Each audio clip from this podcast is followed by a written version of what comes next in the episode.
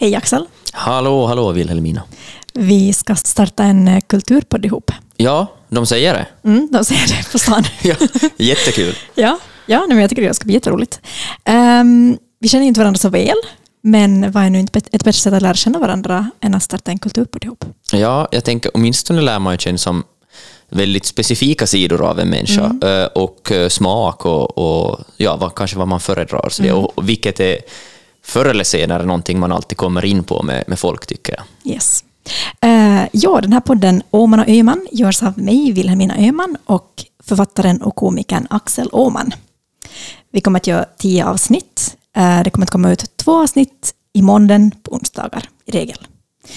Um, och vad heter det här? Podden är producerad av Vasabladet och Österbottens Tidning. Och det var väl det där viktigaste. Eller ja, kanske vad vi ska prata om också. Ja, vi kommer att prata om kultur eh, i alla former egentligen. Eh, böcker, film, tv-serier, eh, teater.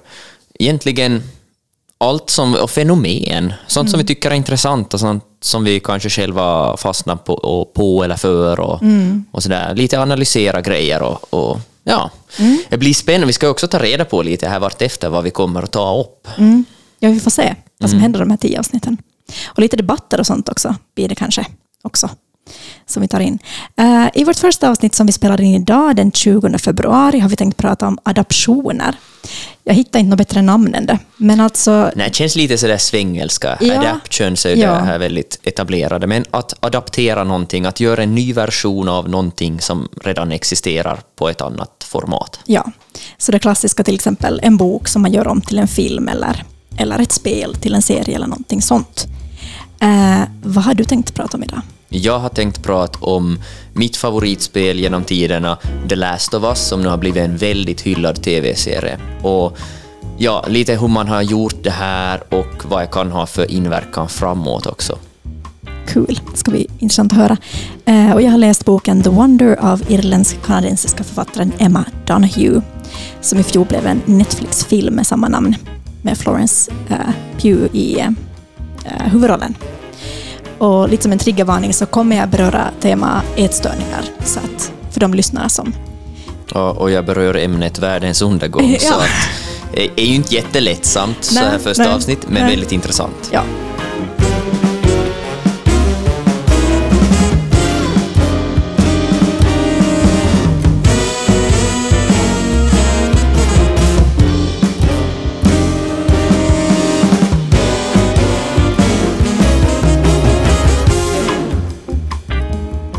Yes, jag tänkte alltså prata om The Last of Us som är ett spel från 2013 ursprungligen, utvecklat av eh, Studio Naughty Dog för Playstation.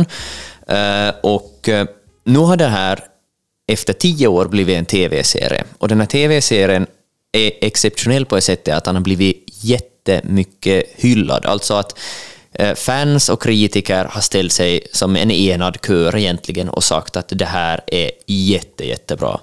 Det var HBOs näst största öppning någonsin av en serie. Uh, bara House of the Dragon, uh, som ju kom i höstas, som var ännu större. Uh, och det här firas ju, kan man säga, för att det är den första lyckade speladaptionen. Man brukar, det är som en förbannelse man har pratat om det här, att man kan inte göra en bra film eller tv-serie av ett spel. Okay. Och nu har den här förbannelsen brutits. Mm -hmm Eh, inte säga att det håller kanske i sig, men att vi har en serie som är riktigt bra, tycker jag, eh, som sätter ju ribban nu och är, ger också andra möjligheter. Men om man först berättar vad den handlar om, ifall mm. om eh, de som inte har spelat spelet eller sett serien, så kan jag ta en liten summering. Det här är alltså en berättelse som utspelar sig i en postapokalyptisk värld, där ett så här, parasitiskt svampvirus har tagit över människors hjärnor. Eller eh, det finns... No, egentligen som en zombie. Eh, är väldigt intressant. De skaparna säger aldrig zombie i det här Mhm, eh, okej. universumet, att, att det är som ett förbjudet ord. Det lär till och med vara förbjudet på eh, inspelningsplatsen, fick man inte kalla de här infekterade för zombies. Jaha, okej. det, var, Ja. det ska vara som politiskt korrekt språkbruk även on set. Mm. Men i alla fall, en svamp har spridit sig och tagit över människohjärnan och gör att eh, ja, folk tappar all mänsklighet och, och blir som zombies i princip. Eh, och då, den här serien utspelar sig 20 år efter utbrottet av, av det här viruset. Och eh, då följer man Joel, som är en smugglare som har levt nu 20 år i den här nya farliga världen. Och han, ska, han får i uppdrag att följa Ellie, som är en 14-årig flicka, så han ska eskortera henne som över hela USA egentligen. Och grejen med Ellie är att hon är den första människan som är immun mot det här viruset. Okej. Så hon är som inte bara vilken 14-åring som helst. Eh, och Pedro Pascal spelar Joel och eh, Bella Ramsey spelar Ellie. Man kan känna igen båda från eh, Game of Thrones bland Ja. annat. Jag tänkte det, ja. Och Pedro Pascal har ju också spelat, han har ju bara gjort bra saker. Han har spelat i Narcos i, eh, vad heter det nu då, The Mandalorian, det är han som är där bakom rustningen i Star Wars-serien. Och ja, han är, han är, han är väldigt het just nu. han gör okej. bara bra val. Jag är ju ett jättestort fan av spelet. Jag köpte tiderna Playstation endast för att komma åt det här spelet. Jag hade egentligen slutat, jag hade inte gameat på fem sex år. Eh, och så köpte jag Playkare för att få spela det här och jag har inte ångrat det en dag. Vad är det då med spelet som är så, så bra eller så fängslande? Det är just det som gör att det funkar också nu som tv-serie. Att det är en så bra berättelse. Att världen är jättestor och vacker på ett sånt fult sätt som när allting har rasat och har gått 20 år och allt har växt över och naturen som har återvänt till de här städerna. Är mycket den estetiken de jobbar med. Att allt ska se jätteslitet ut men ändå vackert på ett Okej. sätt. Eh, Så att bara få vara i den världen. Och så spänningsmomentet förstås, att det som, du ska hela tiden gå och hitta olika grejer, du behöver kanske eh, medicin eller du behöver en sax till någonting, så du går och rotar överallt och så kan det finnas då eh, infekterade någonstans eller sådär. Så att det är som en farlig värld också. Ja. Det är spännande att vara i den där spelvärlden, men framförallt är berättelsen jättestark. Det är den här, det här bandet mellan Joel och Ellie, eh, sån här far och, eller far-dotter-relation som eh, utvecklas på ett väldigt bra sätt och, och, och, och fokusera så mycket på kärleken och som det här vikten av gemenskap och människor, eh, människorelationer i en ganska utmanande tid. Så det drog, det drog in mig i alla fall och 20 miljoner andra som har köpt det här spelet. Så Okej. att, det är ju som ingen underground-grej, det här är ju inte något litet, det är ju ett av världens bäst säljande spel. Så det finns någonting där som lockar väldigt många. Ja, verkligen.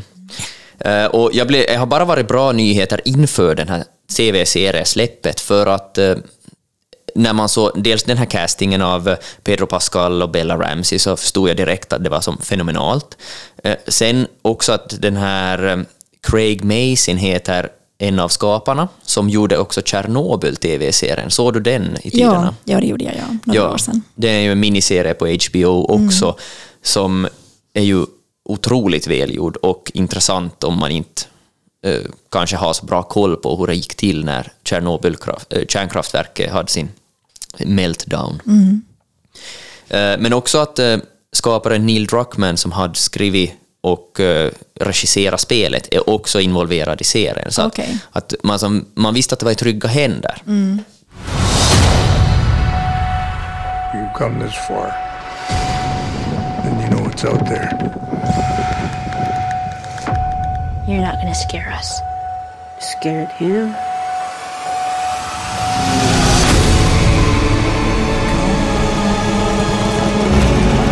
You have a greater purpose than any of us could have ever imagined.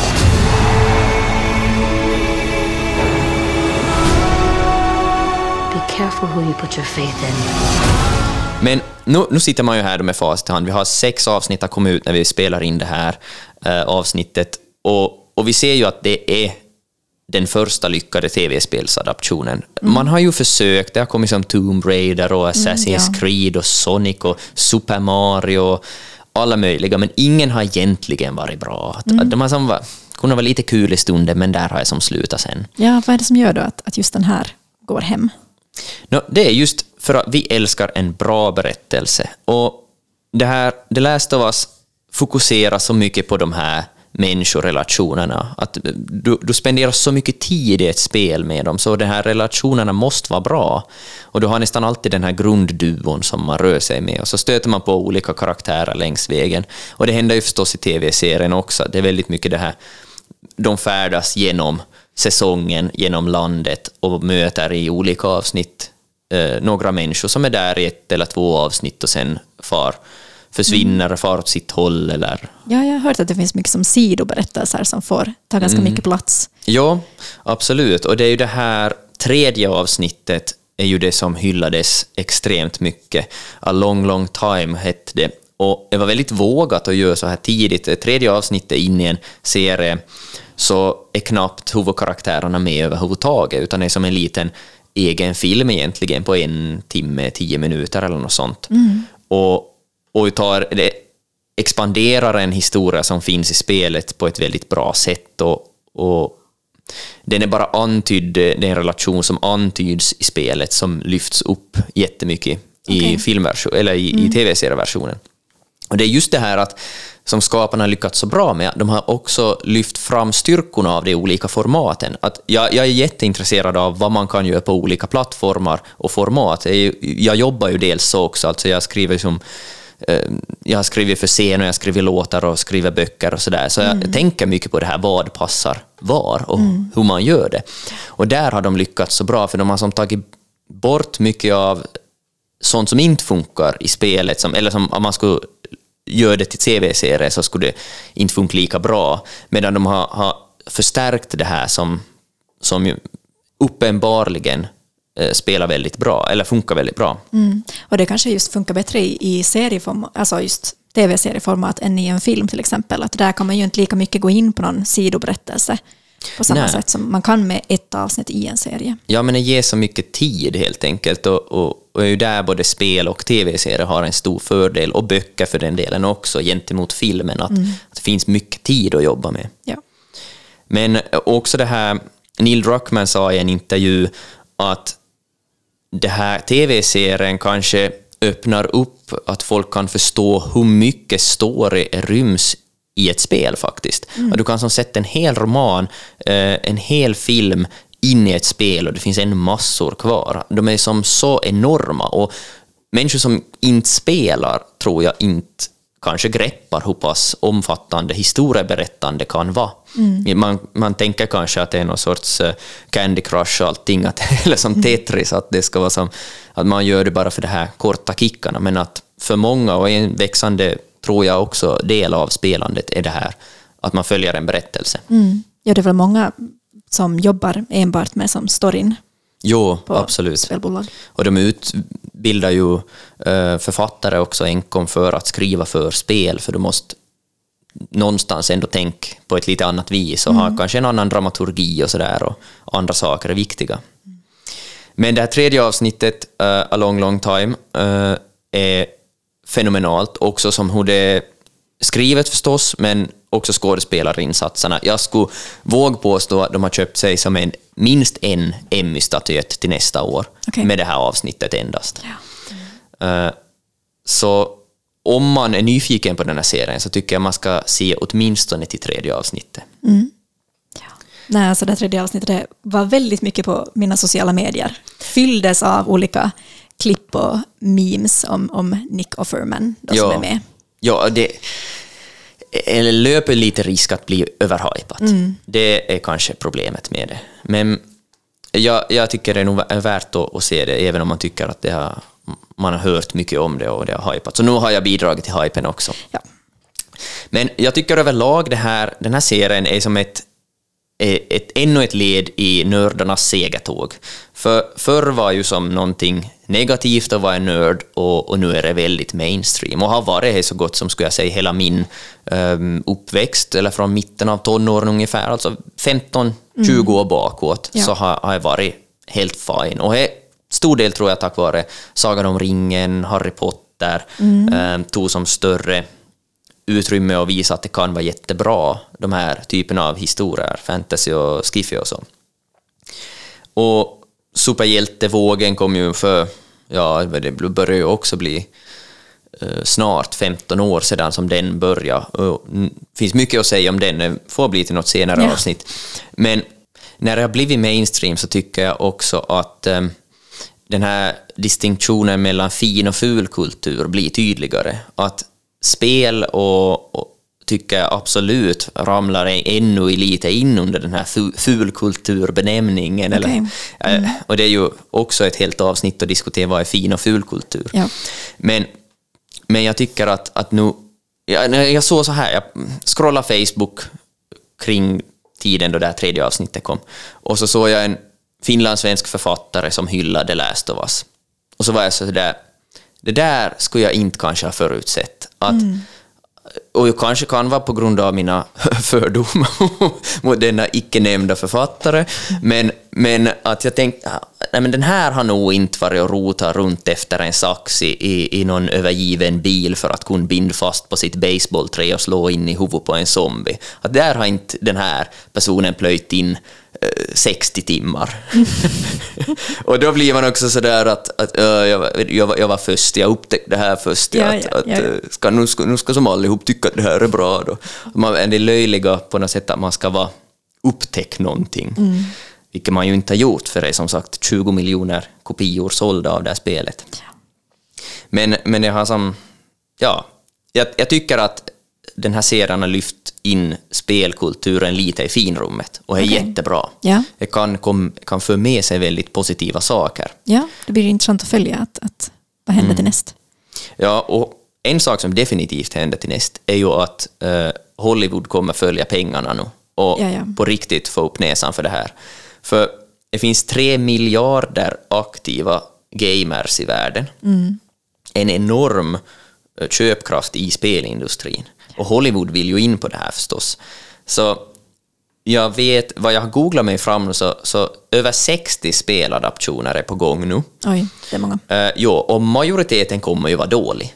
Men en några kommer säkert vara bra. Och jag tror Last of Us nu kommer med en förändring i det här, att det ges eh, att man dels följer originalet eh, närmare, men också ger det st- större budget och tid att utvecklas och inte som bara ser det som en snabb grej, utan att det är någonting som sätts mycket tid och kärlek på, att det är löns i längden.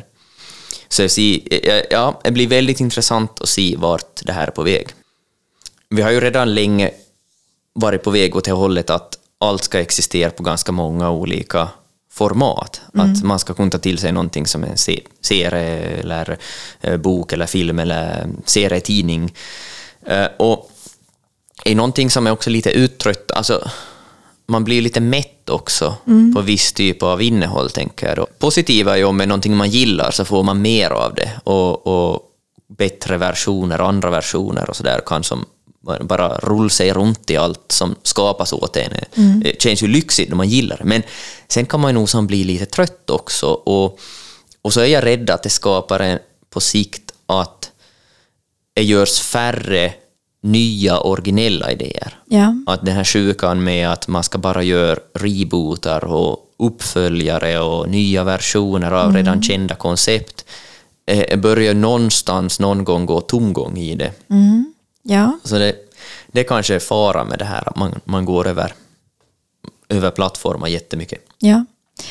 Känner du då sådär att om det finns en version och så kommer det till exempel en, en film på det, känner du att du vill ta del av alla versioner du vill, som läsa boken och så eller? Ibland. Ja. Men sen är det nog som svårt att ha tid med det. Att ofta blir det ju att man väljer en och då är det ofta den kortaste, Ja. tyvärr. I, jag önskar man skulle oftare ta sig tid och, och för, eh, som, som när man jobbar med att berätta historia så tycker jag också är jätteintressant att läsa boken och se filmen. Att man, man lär sig så mycket av det faktiskt. ja. Tycker du då mer om att, att eh, då ta del av den här originalversionen än, än någon adaption? Alltså oftast nog, eh, men inte betyder ju alltid att, att det är bättre. Hollywood har ju, gör ju alltid filmer av eh, andra hitfilmer från andra länder. Ja. Eh, Och de är ju sällan bättre. Att det, där är nästan alltid original bättre. Som senaste exemplet kanske är en man som heter Ove, eh, A Man Called Otto blev den, med Tom Hanks i huvudrollen. Alltså väldigt mäktigt. Eh, bra, bra bokning av att ha Hanks i den rollen. Men nu har jag faktiskt inte hunnit se den, men jag har hört av flera som har sett den att den är, den är, som, den är som helt okej, men att den saknas som ändå något. Att Rolf Lassgård gjorde nog ändå Ove mycket bättre. Ja.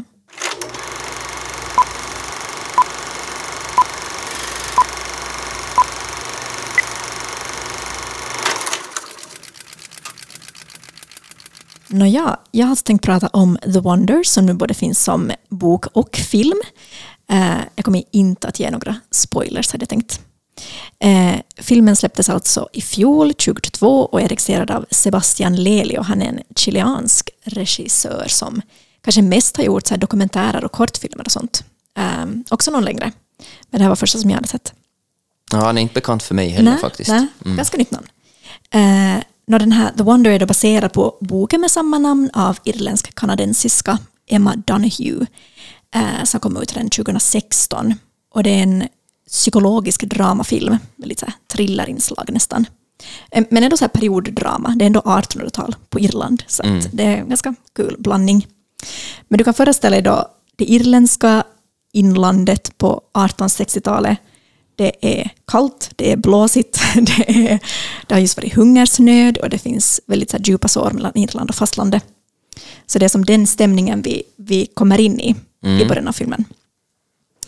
Och den här storyn handlar om eh, den brittiska sjukskötaren Lib, eller Elizabeth Wright, eh, som kommer då till en liten by på Irland. Och i den här byn så finns det en flicka på 11 år, Anna, Anna O'Donnell heter hon, eh, vars familj påstår att hon i fyra månader bara har levt på manna från himlen. Alltså att hon har varit utan mat i fyra månader Okej. och levt på Gud. Eh, och folk här i byn så ser henne som ett mirakel. Eh, och det finns också pilgrimer som vallfärdar dit och journalister som kommer för att skriva om henne. Och det är då den här sjukskötaren Libs uppgift som hon har fått av en kommitté i byn som bara består av män, eh, så här, läkaren och byns präst och så här.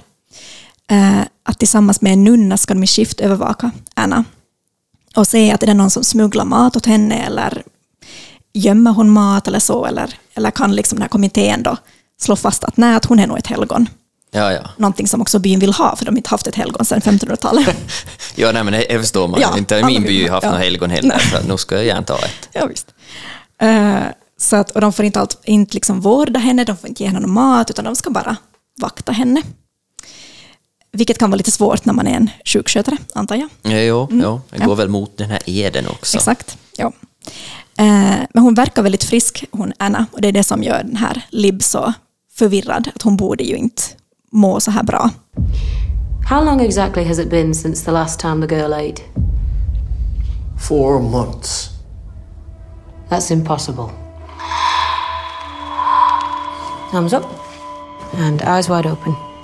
Are you nervous at all? Why should I be nervous? Do you know the dangers of a prolonged fast, Anna? I don't eat sweets. I live in manna. From heaven. Lib, vi- hon blir verkligen inte, inte varmt välkommen här i byn. Hon är ju britt, hon är inte katolik. ehm, och folk upplever att, de inte liksom, att hon inte förstår hur de lever och att hon inte förstår deras tro. Ehm, och faktiskt när jag läste den här boken, det är ändå ett tag sedan, så, så fick jag reda på att det fanns ett fenomen som, som hette The Fasting Girls. Okej. Och det gick alltså ut på att unga flickor just på 1800-talet eh, påstod att de kunde överleva utan mat och levde alltså på manna. Och att de kanske också hade några magiska krafter eller religiösa krafter utöver det.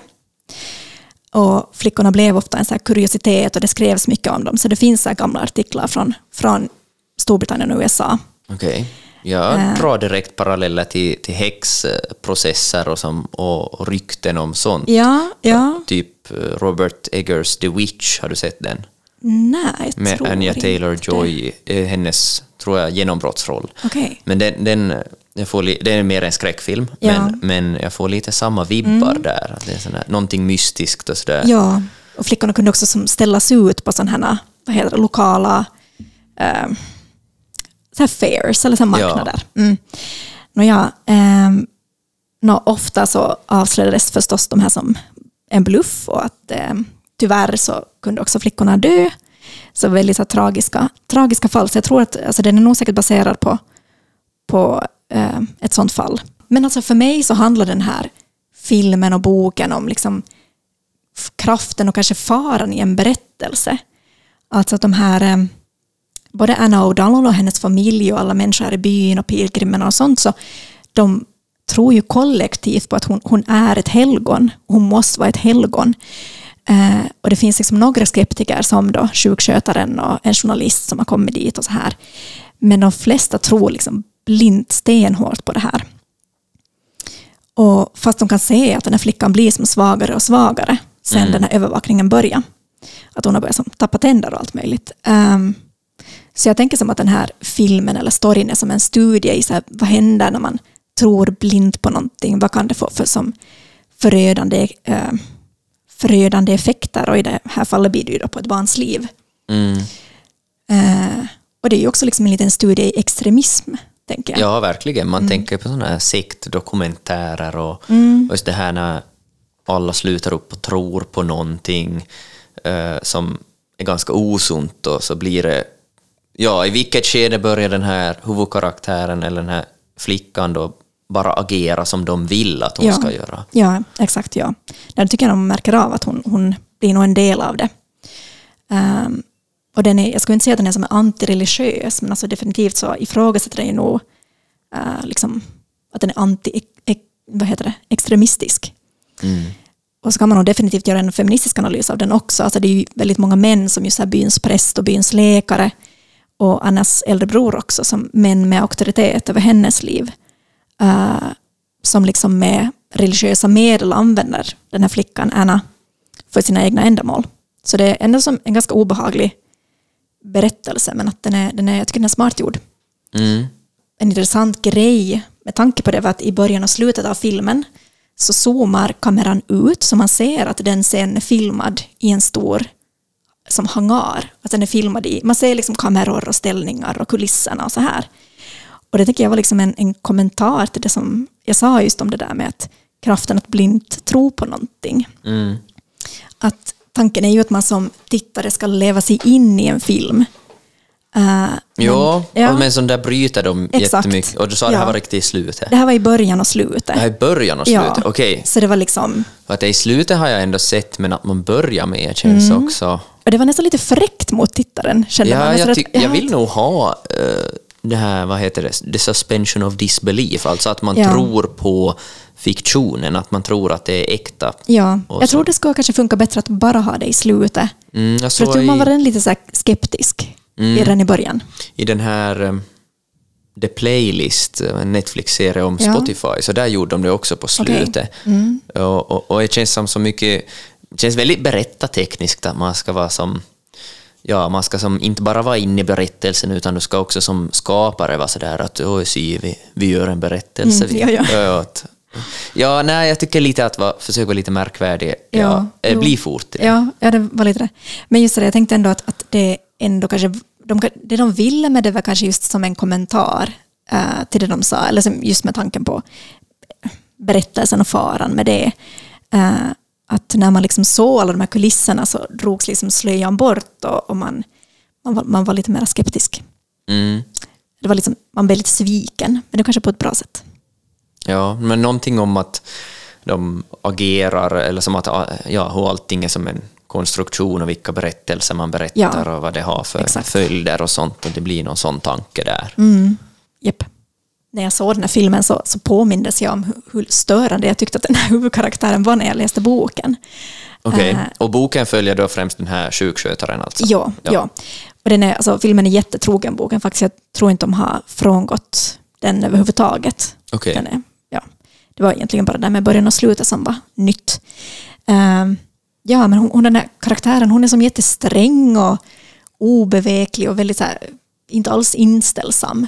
Och hon bryr sig inte alls om att bli vän med någon där i byn. Ja, ja, så det är jätteosympisk Hon, karaktär. hon är väldigt osympis Ja. och väldigt så här, faktabaserad. Precis. Men det behöver hon ju också vara i den här miljön, tänker jag.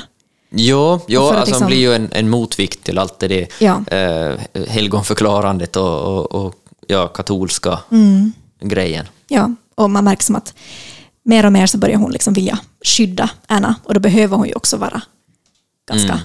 sträng och hård och så här. Men det var kul att märka, eh, jag tyckte det var kul att märka sådär, va- varför, varför tycker jag inte om den här karaktären? Vad är det som gör att jag inte gillar henne? Ja, vad kom du fram till? Men jag tänkte just att att det är det att hon inte är så inställsam, hon är, hon är inte så trevlig. Det är svårt det med, med lite osympatiska huvudkaraktärer, för man brukar ju säga att huvudkaraktärer ska aldrig vara, vara, vara bara goda. Det är som ett fel eh, skapare ofta gör. Man, man ser som sin hjälte verkligen som en hjälte och då blir de alldeles för platt. Men, men sen kan man också gå åt andra hållet. eh, att man gör någon, någon för osympatisk. Ja, Så eh, eh, svår, svår balansgång Ja, tydligen. Ja. Mm. Men föredrog du boken eller filmen här då? Alltså i det här fallet kanske nog ändå filmen, skulle jag ändå säga. För de, ja, jag vet inte, den... eh, Så de var nog väldigt lika. Men, ja, men jag tror det var Florence Pugh som spelade alltså Ja, sjuksköterskan. Jag tror det var hon som gjorde det. Ja Att hon, hon är otrolig. Otroligt bra. Ja, hon lyfter ju allt hon är med i. Ja. Eh, och ja, nej, man kan som lita på henne. Hon är Ja. också en som dyker upp i Oscars-sammanhang typ hela tiden. Ja. Så Nej, alltså, jag tror att hon kanske räddade filmen också. Mm. Eventuellt. Vad jag lite har läst här, recensioner av filmen och sånt. Så. mm, precis. Ja. Men Irland är jättehett just nu. ja, är det det? Ja, jag, jag tycker, eller Ja. jag väl varit över en tid, men det känns som att, att det dyker upp verk. Eh, The Banshees och Inisherin Ja, är nu nominerad i Oscarsgalan. Two hours you spent talking to me about the things you found in your little donkey shite that day. Well, it wasn't me little donkey shite, it was me pony shite, which shows how much you were listening. I fjol var Belfast Mm. nominerad eh, och vann någonting om jag minns rätt. Eh, Och Sally Rooney Sally i, Rooney, ja. bland författarna. Hur var Shuggy Bane? Är den Skottland eller Irland? Det vet jag. Ja, det lägger vi en disclaimer på. Men, eh, men Irland känns ganska Mm. i ropet just nu. Ja. Undrar vad det beror på. Ja, Men det, det är ju någonting också med själva den här miljön och ja, du får mycket gratis i miljön och, och att det känns som ett ganska säreget folk eh, som ändå är stort, så därför har de redan som en stor marknad så att säga. Det är som brittiska öarna fast mer exotiskt. Och så är det förstås den här stora slitningen mellan eh, protestanter och katoliker. Ja, den förstås. finns alltid i Ja. bakgrunden där. Så det skapar så mycket intressanta historier. Ja. Tycker du, på tal om adoptioner, tycker du att det är bra om en, om en adoption är trogen sitt, sin, sitt original? Eller tycker du det är kul om, om till exempel en regissör har tagit ut svängarna och varit kreativ? Eh, Jag tycker om när båda aspekterna uppfylls. Eh, Jag vill att, om, om, speciellt om det är någonting jag tycker om, så vill jag att det ska kännas som verkligen likt och man känner igen. Det viktigaste kanske inte att man slaviskt följer händelserna exakt, utan att man får karaktärerna rätt och tonen och stäm- stämningen i hela verket. Har du, har du lyckats med de sakerna så tycker jag att ja, då är jag oftast så med på tåget, även om eh, detaljer ändras och, och jag har som te- våga testa någonting. Det uppskattar jag nästan ännu mer. För det är en story jag kan så vill jag ju ändå bli överraskad någonstans. Ja. Skulle du säga att din var trogen spelet? Ja, eh, visserligen är ju inte färdig ännu den här första säsongen. Eh, Hur många men jag, avsnitt? det är nio avsnitt. Ja, okej. Eh, sex har kommit nu så det är ju inte så många kvar. Men eh, jag skulle säga att det är väldigt troget och det har som tagit avstickare på rätt ställen. Och ändringarna som har gjorts har varit bra.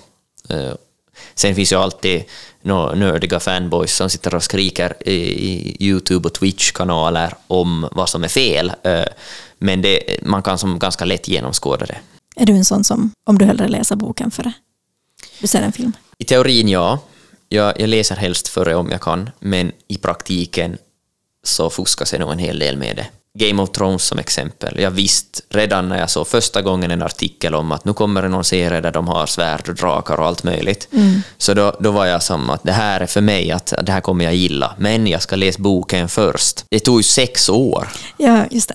innan jag var sådär, nu ger jag upp, nu börjar jag bara kolla det här Okej. megafenomenet som alla skryter om. Okej. Och så hann jag med sista två säsongerna som och, och med på hype-tåget.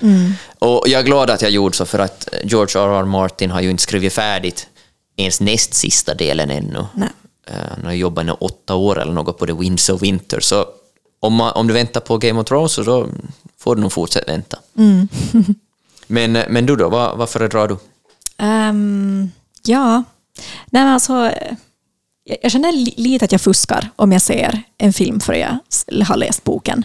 Ja, men så kan jag också som, tänka att men kanske, om jag ser filmen först så kanske jag kan ha det som en morot då, att, att, eh, att läsa boken till exempel. Mm, det är ganska bra. Jag har ju nog lite så det högstadieelev som fuskar på bokcirkeln eh, att se filmen först, så jag, jag föredrar nog boken. Men tycker du är någon... Eller kommer du på något fall, förutom nu The Wonder tydligen, som filmen är bättre än boken? Alltså, nej, faktiskt inte. Jag tycker nog ofta att, att, eh, att böckerna ändå är bättre. Mm. Nej, men, Eh, jag vet inte, jag kommer nog inte på någonting. Har du någon du? no, jag ska testa en, en ska jag som put to the test nu och det är att jag tänkte läsa Gudfadern. Okej.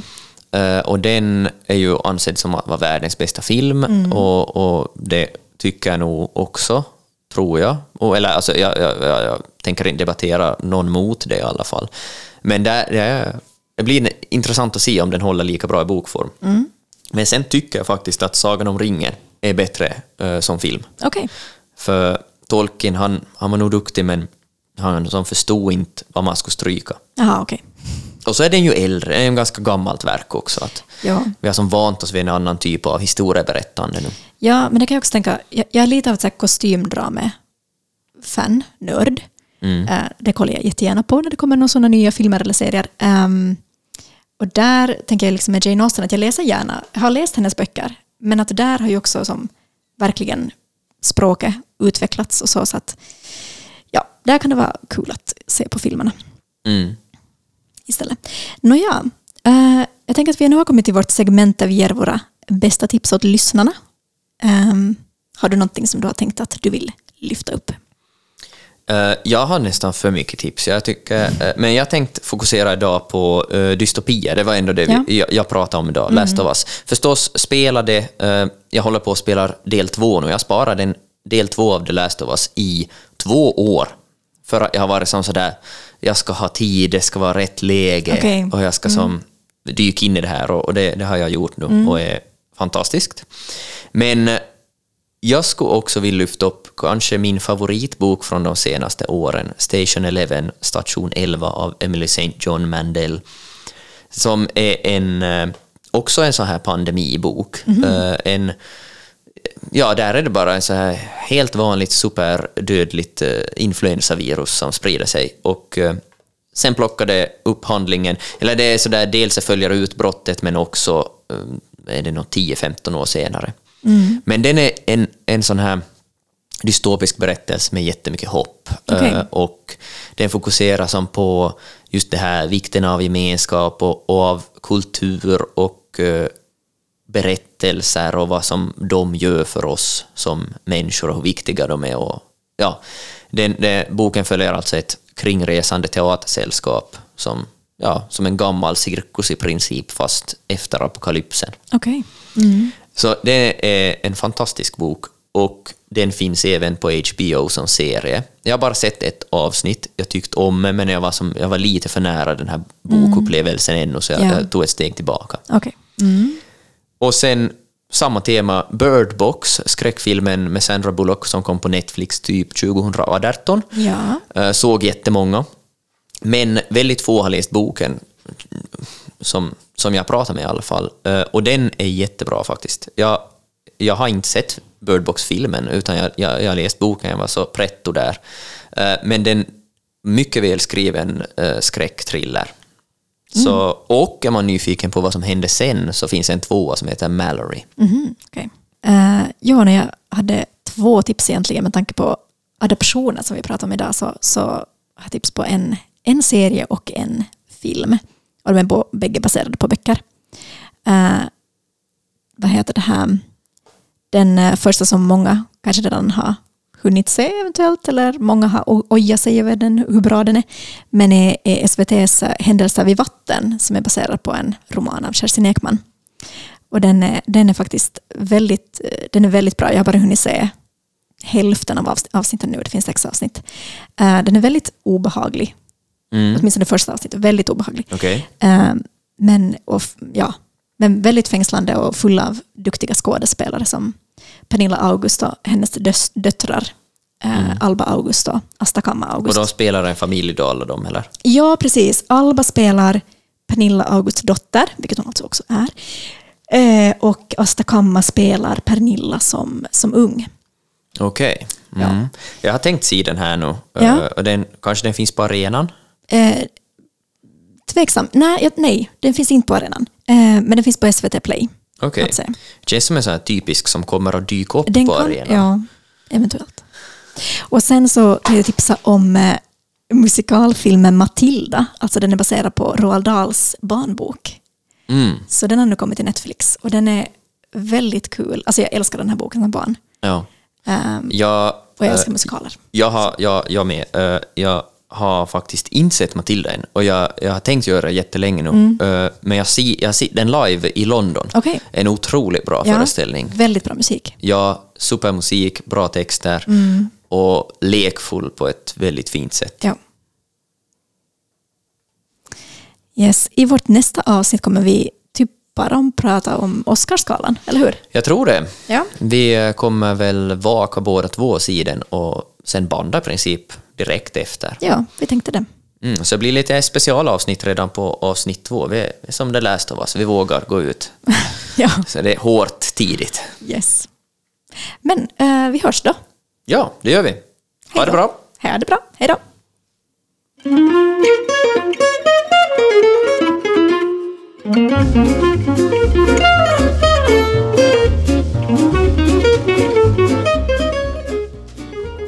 Producent för det här avsnittet var Patrik Sjöholm. Åman och Öman är producerade av Vasabladet och Österbottens Tidning.